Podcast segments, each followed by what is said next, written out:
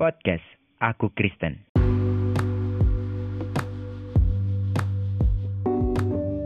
Banyak di antara kita kalau sudah melakukan perbuatan baik, langsung mengklaim dirinya sebagai orang baik.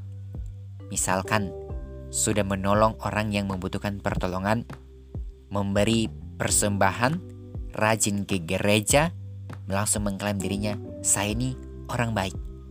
Tetapi mari kita lihat firman Tuhan dari kitab Amsal pasal 20 ayat yang ke-6.